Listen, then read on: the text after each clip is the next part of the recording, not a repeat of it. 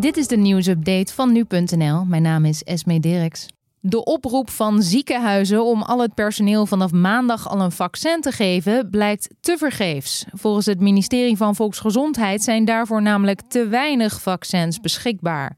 Gisteravond deden Diederik Gommers en Ernst Kuipers de oproep omdat sommige ziekenhuizen de urgente zorg noodgedwongen moeten afschalen wegens ziekteverzuim onder het personeel. Minister De Jonge erkent het probleem en laat ook weten naar een oplossing te zoeken. Hij komt er begin volgende week op terug. Honderden automobilisten die bellend of append achter het stuur zaten, zijn de dans ontsprongen. Er wordt uh, sinds kort op sommige plekken gewerkt met nieuwe slimme camera's. En zij werden betrapt in Meidrecht. Maar op de boete van uh, 240 euro stond een foutje, namelijk een verkeerde plaatsnaam. En dat maakt de boetes ongeldig. Het OM had nieuwe boetes kunnen versturen, maar uh, vindt dat in de beginfase niet zo netjes.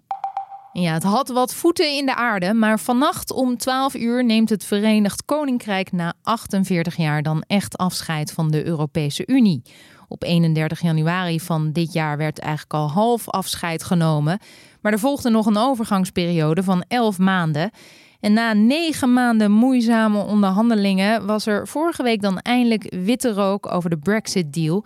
En daarmee is het gedaan. Volgens eh, de Britse premier Boris Johnson is Brexit geen eind, maar een begin.